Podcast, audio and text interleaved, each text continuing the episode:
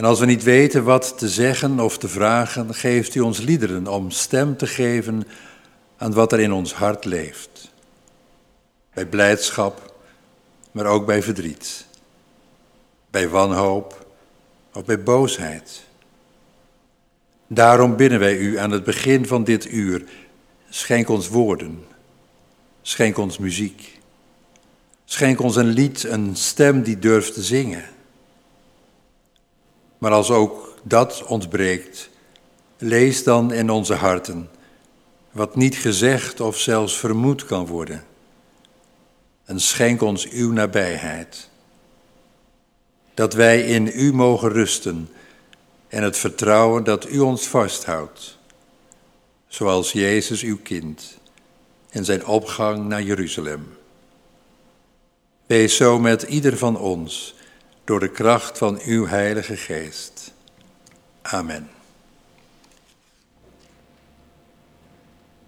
We willen dan bidden voor de wereld in al zijn verwarring en al zijn chaos.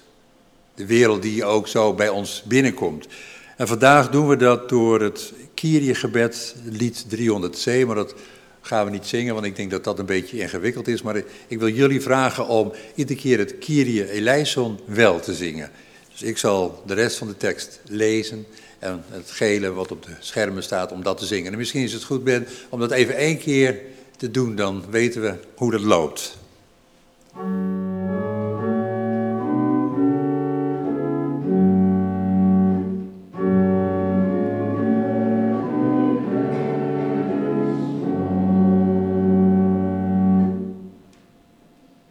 Laten we bidden. Ontferm u over de aarde.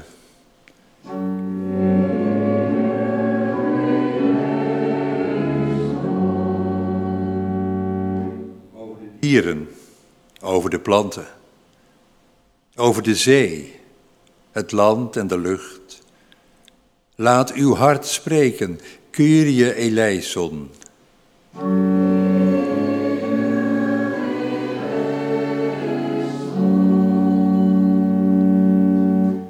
Ontferm u over de mensen.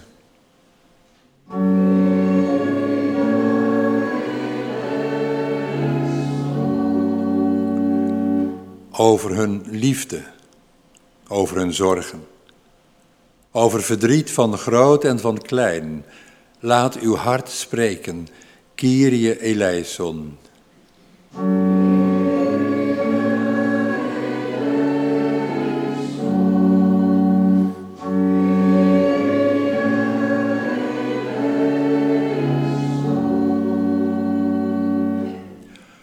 Ontferm u over de wereld.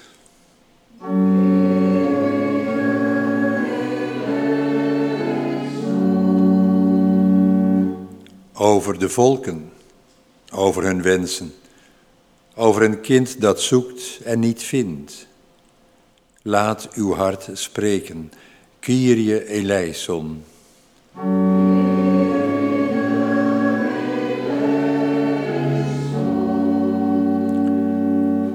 Laat uw woord horen.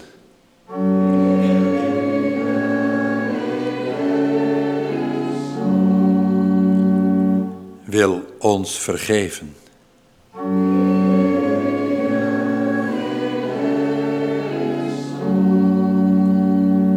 Blijf hier aanwezig.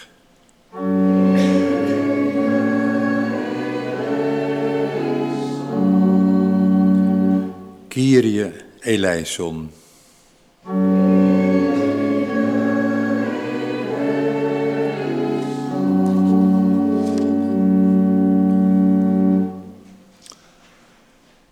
En dan gaan we over naar de dienst van het woord. Geloven, hoor ik veel van mensen, en dat vind ik ook zelf, is niet altijd simpel. Geloven stelt je nogal voor uitdagingen. En dat is niet dat het voor ons als eerste geldt, dat geldt eigenlijk door de hele Bijbel heen, dat geloven vragen oproept. En vandaag lezen we over de eerste ramp in de Bijbel, over het begin van de zondvloed. Maar dan is het ook goed om te bedenken dat dat verhaal duizenden jaren later verteld wordt, verteld werd. In de tijd van de Babylonische ballingschap is het op papier gezet. En niet als een historisch verhaal, als een geschiedenisles, maar als een verhaal van de omgang van God met mensen en van mensen met God. En dat is dan ook precies het verschil met al die andere zondvloedverhalen, want er zijn er wereldwijd zo'n 250 verhalen van bekend. Godsdiensten over de hele wereld vertellen dit verhaal, maar allemaal met hun eigen bedoeling, met hun eigen intentie. En het verhaal lijkt dan op punten hetzelfde, maar het kent een eigen toepassing, een eigen uitwerking. En dat zien we ook in het tweede verhaal van vanmorgen, in het verhaal van de wijnstok en de ranken.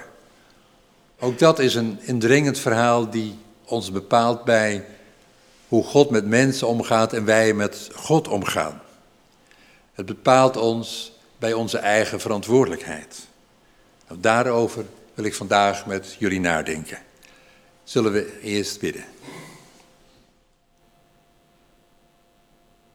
God, eeuwig trouwe. U die royaal en overvloedig uw liefde geeft aan mensen. Wij bidden u dat wij u goed verstaan.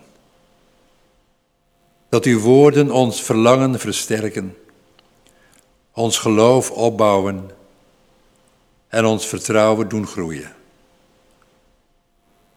Schenk ons de kracht van uw geest, nu en alle dagen, door Jezus Christus onze Heer. Amen. De eerste lezing uit het boek Genesis, hoofdstuk 6, de versen 5 tot en met 8.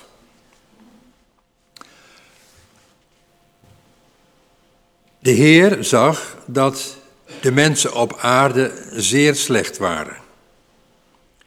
Alles wat ze uitdachten was steeds even slecht. Hij kreeg er spijt van dat hij mensen had gemaakt. Hij was tot in het hart gegriefd. Ik zal de mensen die ik geschapen heb van de aarde wegvagen, zei hij. En met de mensen ook het vee, de kruipende dieren en de vogels. Want ik heb er spijt van dat ik ze heb gemaakt.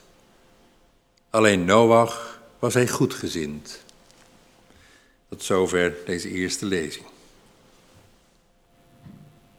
Zingen we lied 1008.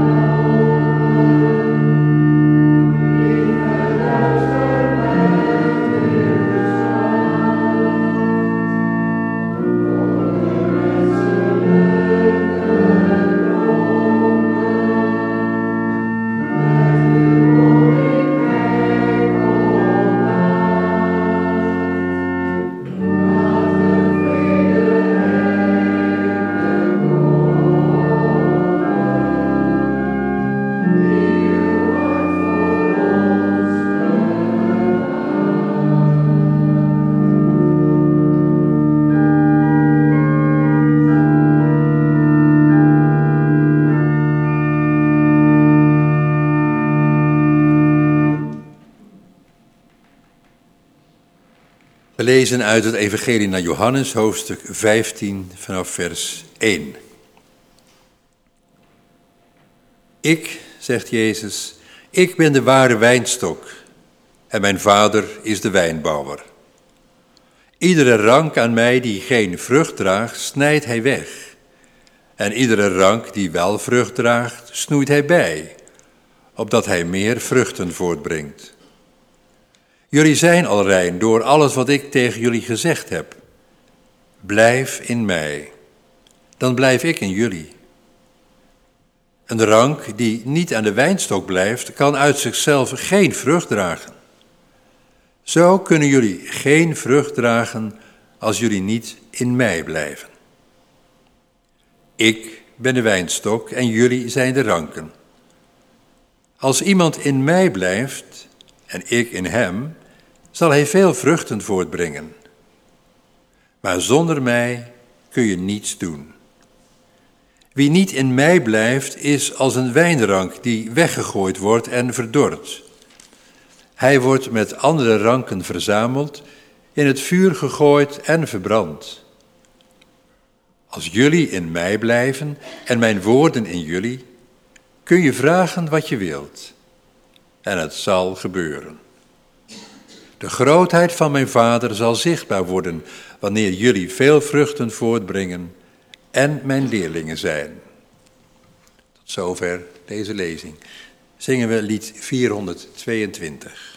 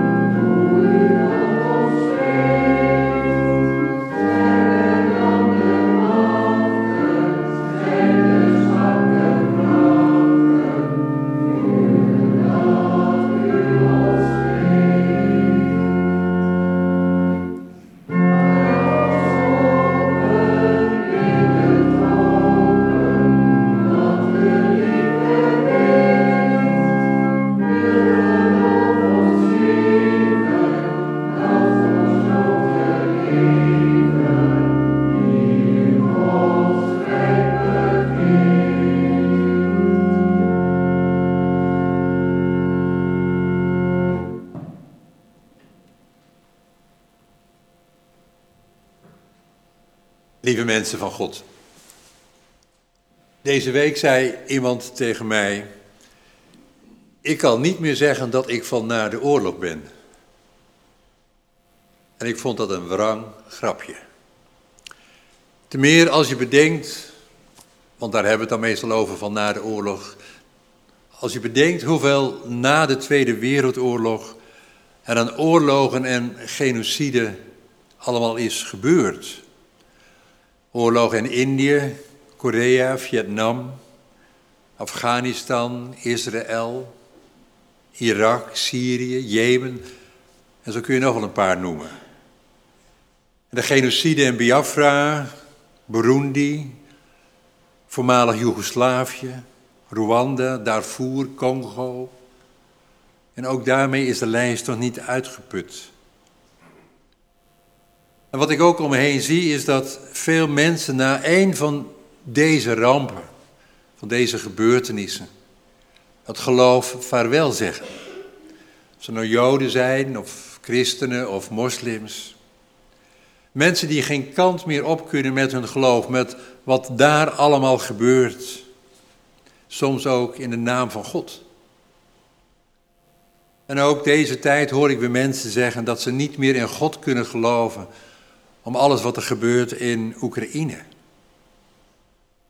En dat bleek ook wel uit het onderzoek wat deze week naar buiten kwam, dat de meeste mensen in Nederland zeggen dat het leven voor hen geen diepere zin meer heeft.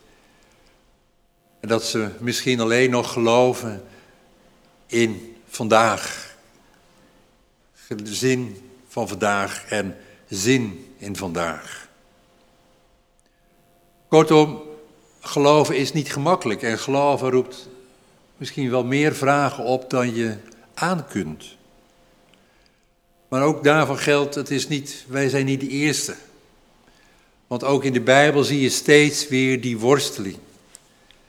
En juist die worsteling van de mensen die ons voor zijn gegaan, kan ons misschien helpen. Die worsteling die je in de Bijbel ziet, is dat mensen in discussie gaan met hun schepper. Woord en weerwoord. Constant zich afvragen, wat is nou hiervan de bedoeling? Dat zie je ook in de Babylonische ballingschap, waarin Israël hun tempel, hun geloofszekerheid helemaal kwijt is. Dat verhaal van de oervloed zullen ze toen echt niet voor het eerst gehoord hebben. Maar in die wanhopige situatie waarin ze alles kwijt zijn, geeft het hun wel een houvast om na te denken over wat dit nou betekent. Over wat het betekent voor hun leven, voor hun geloof. Wat betekent dat lijden wat hun volk moet ondergaan? En wat is de rol van de mens daarin? Nadenken over de relatie tussen God en mens in tijden van de rampspoed. Wat mij dan opvalt in de lezing uit Genesis, je zou eigenlijk het hele verhaal moeten lezen, maar ook al in het stukje wat wij gelezen hebben, dat niet de mensen berouw en spijt hebben, maar dat God berouw heeft, dat hij spijt heeft dat hij mensen gemaakt heeft. En eigenlijk zou je kunnen zeggen, daarmee heeft God een menselijker trekje dan de mensen. En dat blijkt ook als je gewoon in de Bijbel optelt hoe vaak God berouw heeft. Dat komt vaker voor dan dat het berouw van mensen beschreven wordt. God is geen onbewogen beweger, maar een schepper die leidt en meeleidt. En daar stuiten we toch iets wat we misschien van oudsher hebben meegekregen vanuit de kinderbijbel of misschien is het nog wel van oertijden ons heidens geloof dat God voor ons toch eigenlijk degene moet zijn die alles regelt en in de hand houdt. De machtige goden, die beslissen in willekeur soms, maar die wel weten wat ze doen. Maar Israël denkt menselijker over hun schepper. En ze beseffen door dit verhaal van, ja maar wat, wat betekent dat voor ons? De aarde was in Gods ogen verdorven en vol onrecht, lezen we. En onrecht kun je aan heel veel dingen denken. Kun je denken aan oneerlijkheid, aan fraude, aan diefstal, aan mishandeling, manipulatie. Maar eigenlijk staat er ook gewoon geweld. Geweld, dat was er in Gods ogen. Met elkaar kun je zeggen, de mensen hadden en hebben er een puinhoop van gemaakt. Toen en nu. Of je nu kijkt naar Oekraïne of naar Jemen of naar delen van Afrika. Of als je kijkt naar de opwarming van de aarde of naar de steeds groter wordende kloof tussen rijk en arm. Wie zou de neiging niet kunnen begrijpen om in een ramp de grote afrekening te zien, een grote streep door alles van laten we maar opnieuw beginnen.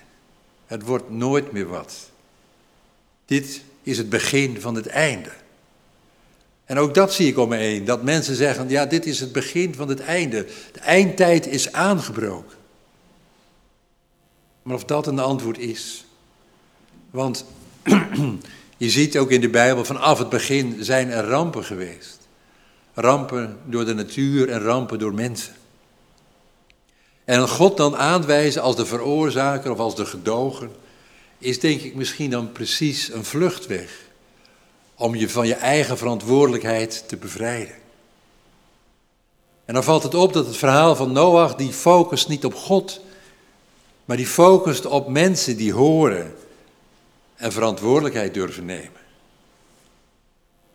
God zegt tegen Noach, maak je een ark.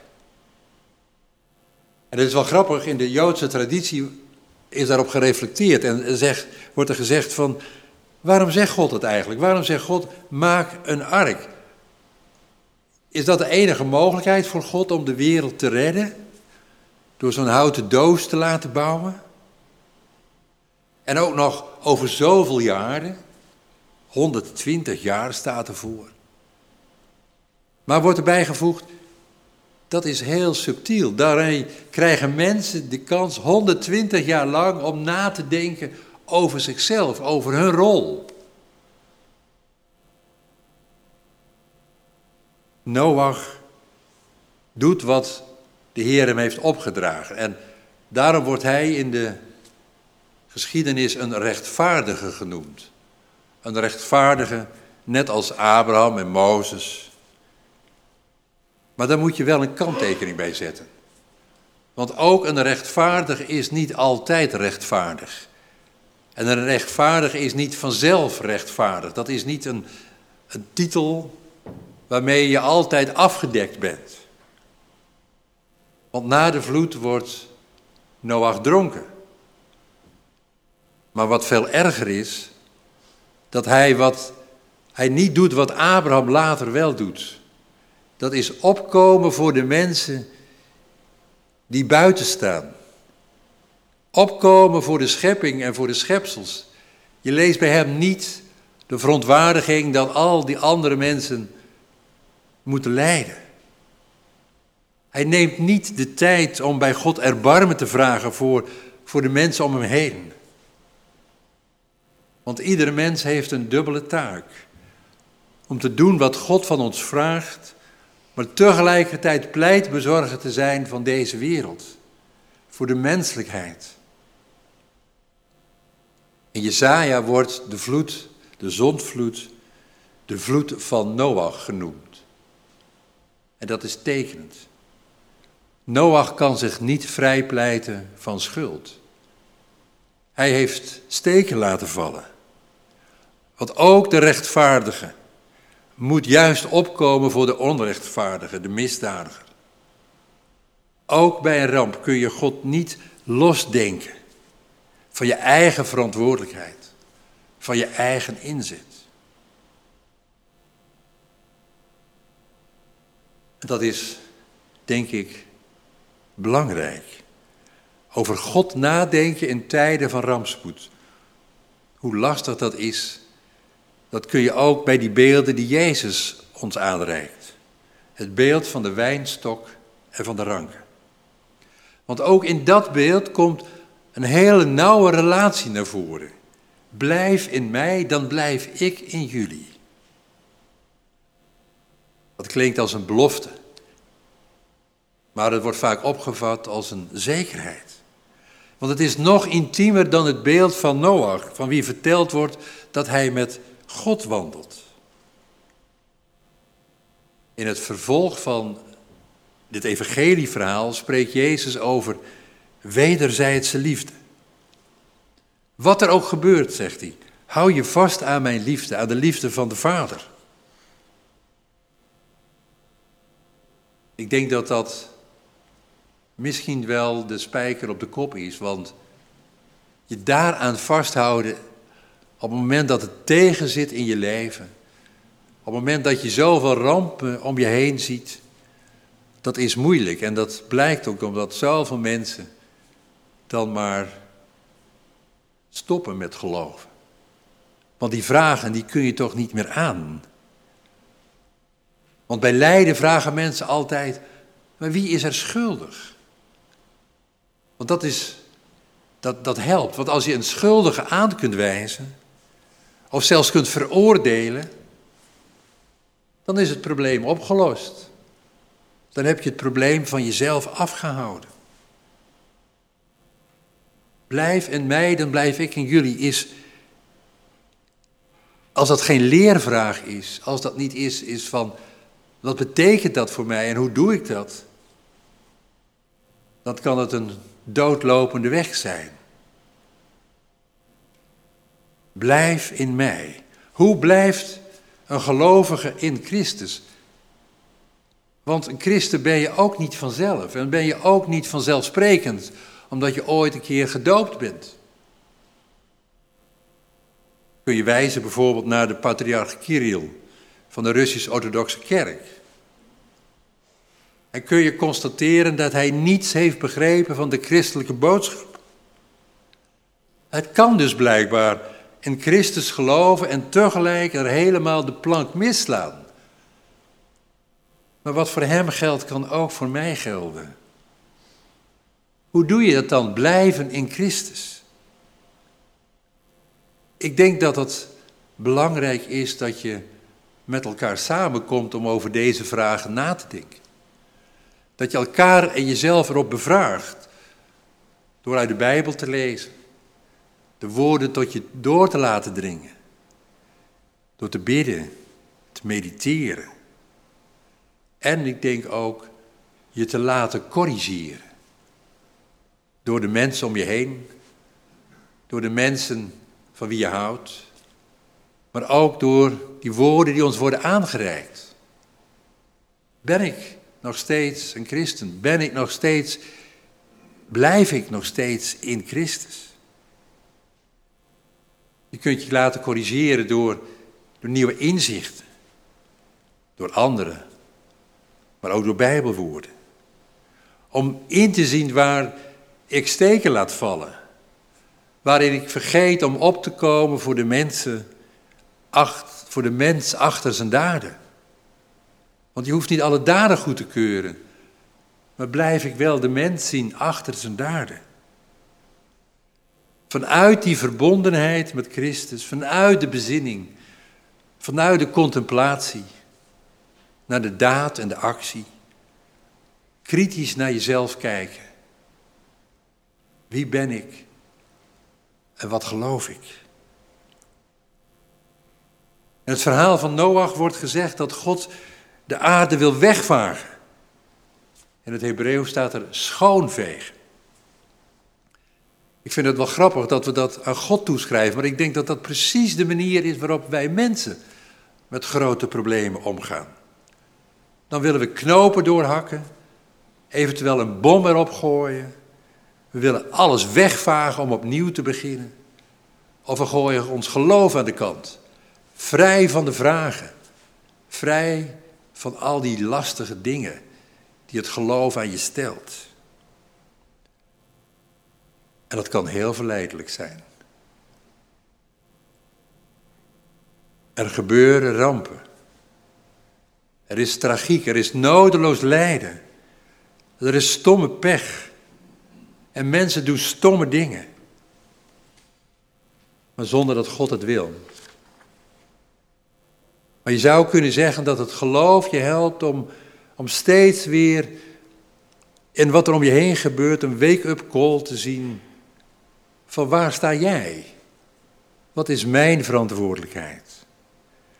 En ook een waarschuwing dat ik niet onder of boven de wet sta of onder of boven Gods wet.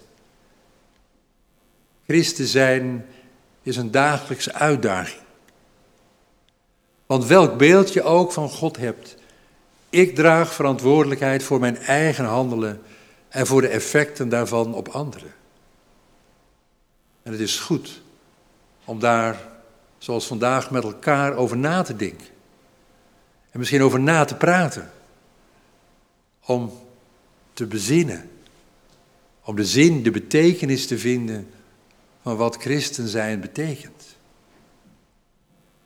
Maar dat gezegd hebbende is het misschien ook voor ons een troost dat het, dat het allemaal wederkerig is. Blijf in mij, dan blijf ik in jullie.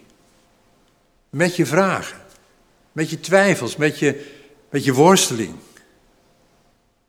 Jezus zegt, juist daarin verbind ik mij met jou.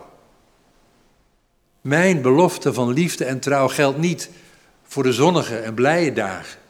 Maar dat geldt juist als je aan alles twijfelt, als je je geloof kwijt bent. Juist dan ben ik er. Misschien zonder woorden, zonder, zonder hoogdravende zaken als, als, als geloven en vertrouwen, maar juist als de mens die naast je staat. De mens die je vasthoudt. Juist omdat je het moeilijk hebt. Je staat er niet alleen voor, zegt Jezus, als je tenminste wil. Jezus' woorden mogen ons, mogen mij, mogen jou vergezellen op jouw levensweg. En mogen je bemoedigen op momenten dat je denkt, waar gaat het met deze wereld naartoe? God wil je niet loslaten. Maar hij blijft je wel bestoken met soms lastige vragen. Maar geloven in God is nooit simpel en zeker niet als er zulke verschrikkelijke dingen gebeuren. Het is hard werken, maar wel ook vanuit vertrouwen. Blijf in mij, dan blijf ik in jullie. Luister en doe wat jij moet doen.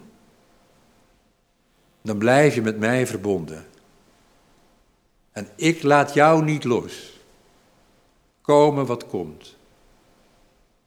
Zo mag je verder gaan. Amen.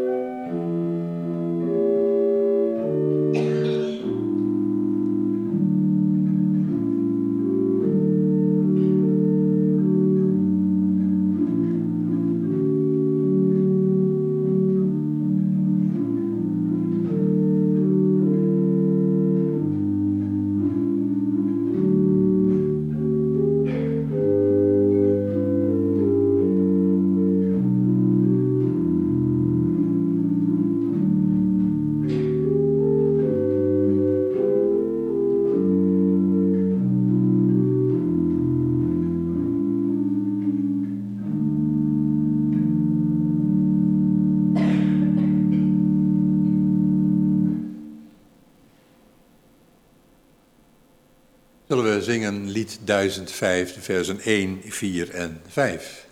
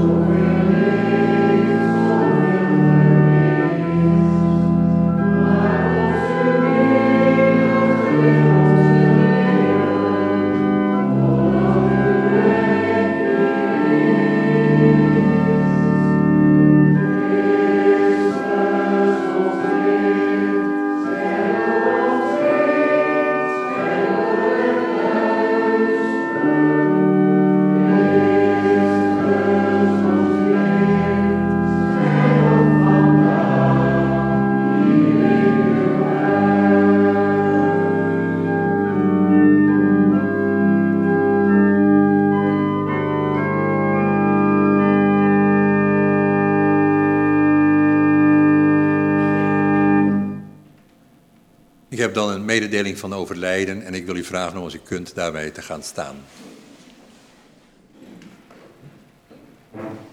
Op 21 maart, jongsleden, overleed Jannie Catharine Hovenstad van Alten. Ze woonde aan de Sterappel 7 en werd geboren op 13 december 1932.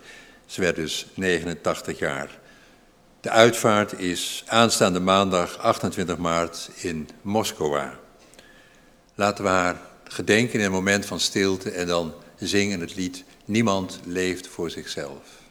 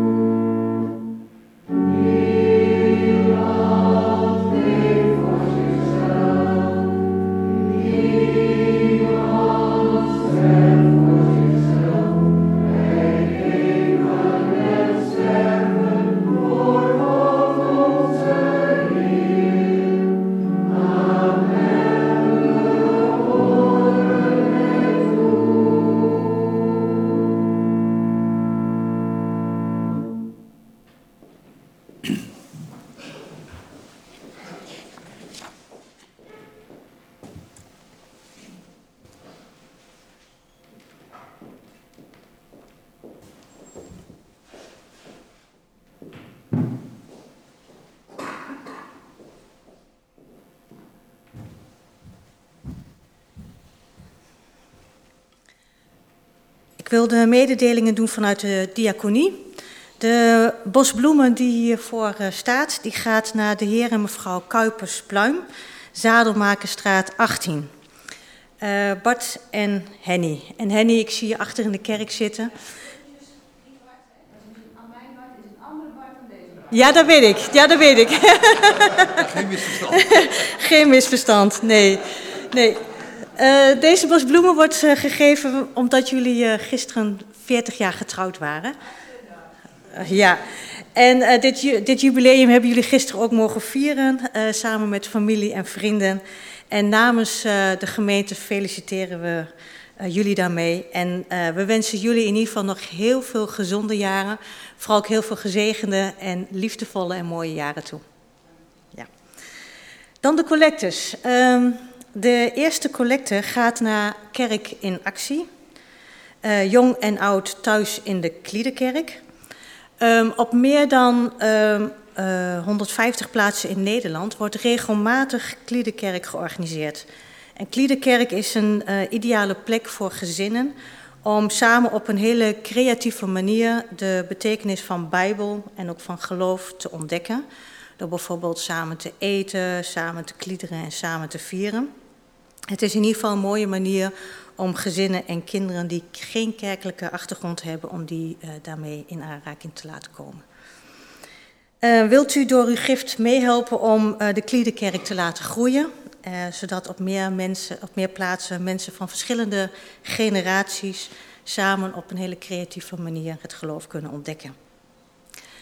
En de tweede collecte gaat naar beheer en onderhoud. En dit kerkgebouw waar jullie in zitten, dat moet natuurlijk goed onderhouden worden en goed beheerd worden, zodat we hier ook in Gods huis mogen samenkomen.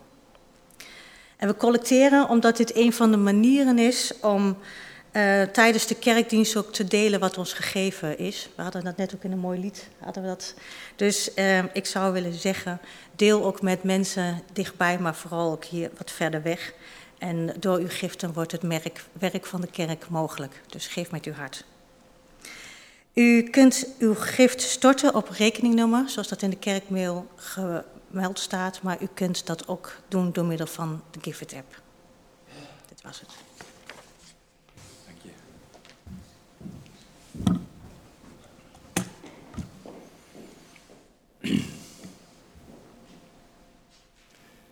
We willen dan samen danken en bidden en onze gebeden steeds beantwoorden met het gezongen. God van leven en licht maakt alles nieuw. Halleluja. En misschien is het ook een goed idee, Ben, om dat even nu ook van tevoren te doen, zodat we dat straks in het gebed ook gelijk op kunnen pakken. God van leven en licht, maak alles nieuw. Halleluja.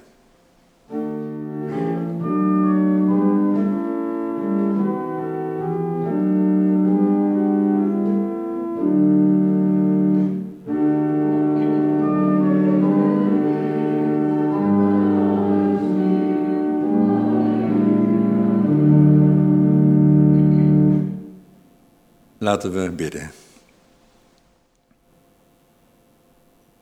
Heer, u heeft zich met ons verbonden. Wij mogen deel hebben aan u. Wij mogen ons geborgen weten, veilig bij u. Zonder deze verbondenheid is ons leven zonder voeding, zonder zin, zonder samenhang. Drogen we uit en verdorren we. En voor dit verbond willen wij u danken. Maar tegelijk weten we dat u ons oproept vruchten te dragen. Dat u ons oproept en uitdaagt om onze verantwoordelijkheid te nemen. Voor de mensen om ons heen en voor uw schepping. Daarom bidden wij zingend.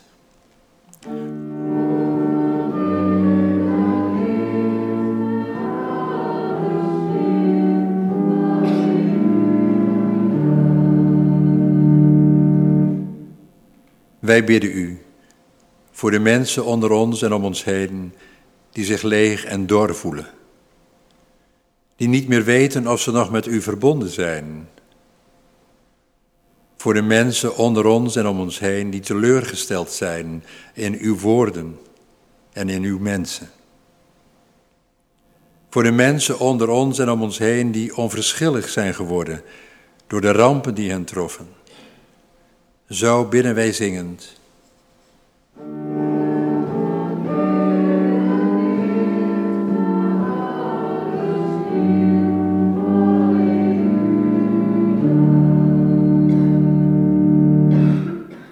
Wij bidden u voor onze gemeente, dat zij niet verdort en verdroogt, dat er steeds weer mensen bereid zijn zich in te zetten voor u in verbondenheid met andere gelovigen.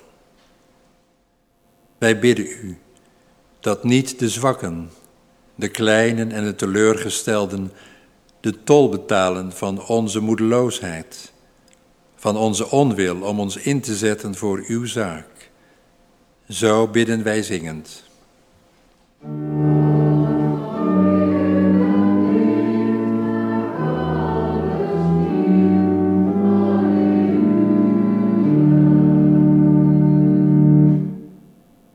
Wij bidden u voor al die mensen met wie we niet door één deur kunnen. We bidden u voor Poetin en voor Kirill, dat zij op een of andere manier geraakt worden door uw boodschap en dat zij zich bezinnen. Wij bidden u voor al die mensen die we niet begrijpen, die we niet kunnen bereiken. Wilt u hen bereiken met uw woorden, met uw mensen? We bidden u voor ieder mens onder ons die verdrietig is of bezorgd. Voor ieder die het niet meer ziet zitten en niet weet hoe het verder moet. En we bidden u vandaag speciaal voor de nabestaanden van Jannie Catharina van Alten. Voor allen die verdriet hebben door haar sterven, nu en in de tijd die komt. Zo bidden wij zingend.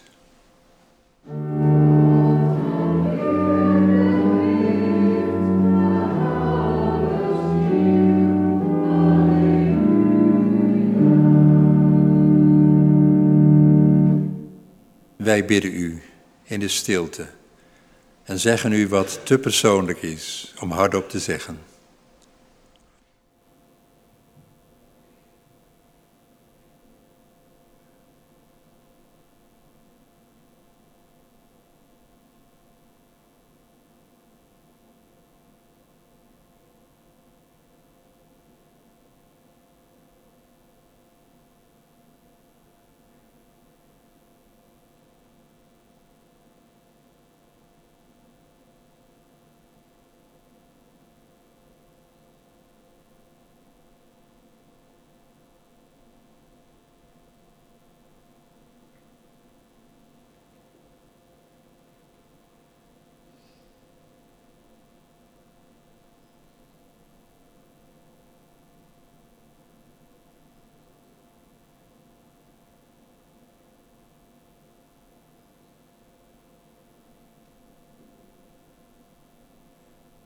Wij bidden u en roepen u aan als onze Vader, die in de hemelen zijt.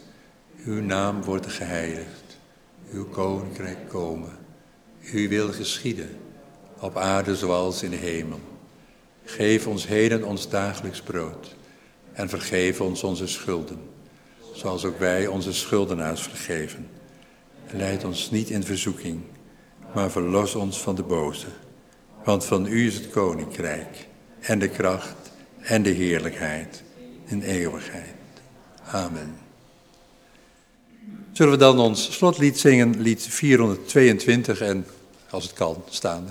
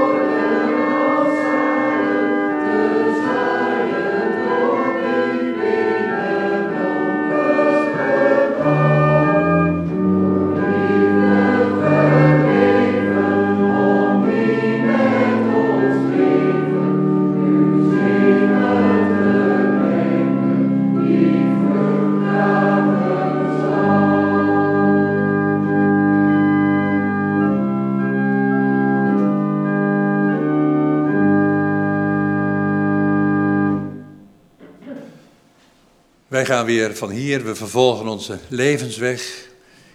Iedereen heeft zo zijn eigen weg te gaan en misschien zie je op tegen de komende week of zie je eruit. Hoe die weg ook loopt, weet dat je die weg niet alleen hoeft te gaan en dat de zegen van God jou vergezelt. Zijn hand ligt op jouw schouder. En ontvang die zegen om ook voor elkaar tot een zegen te kunnen worden. In ons hart en in ons huis de zegen van God. In ons komen en in ons gaan de liefde van God. In ons leven op onze zoektocht de vrede van God. En bij ons einde nieuw begin, de armen van God om ons te ontvangen en thuis te brengen. Amen.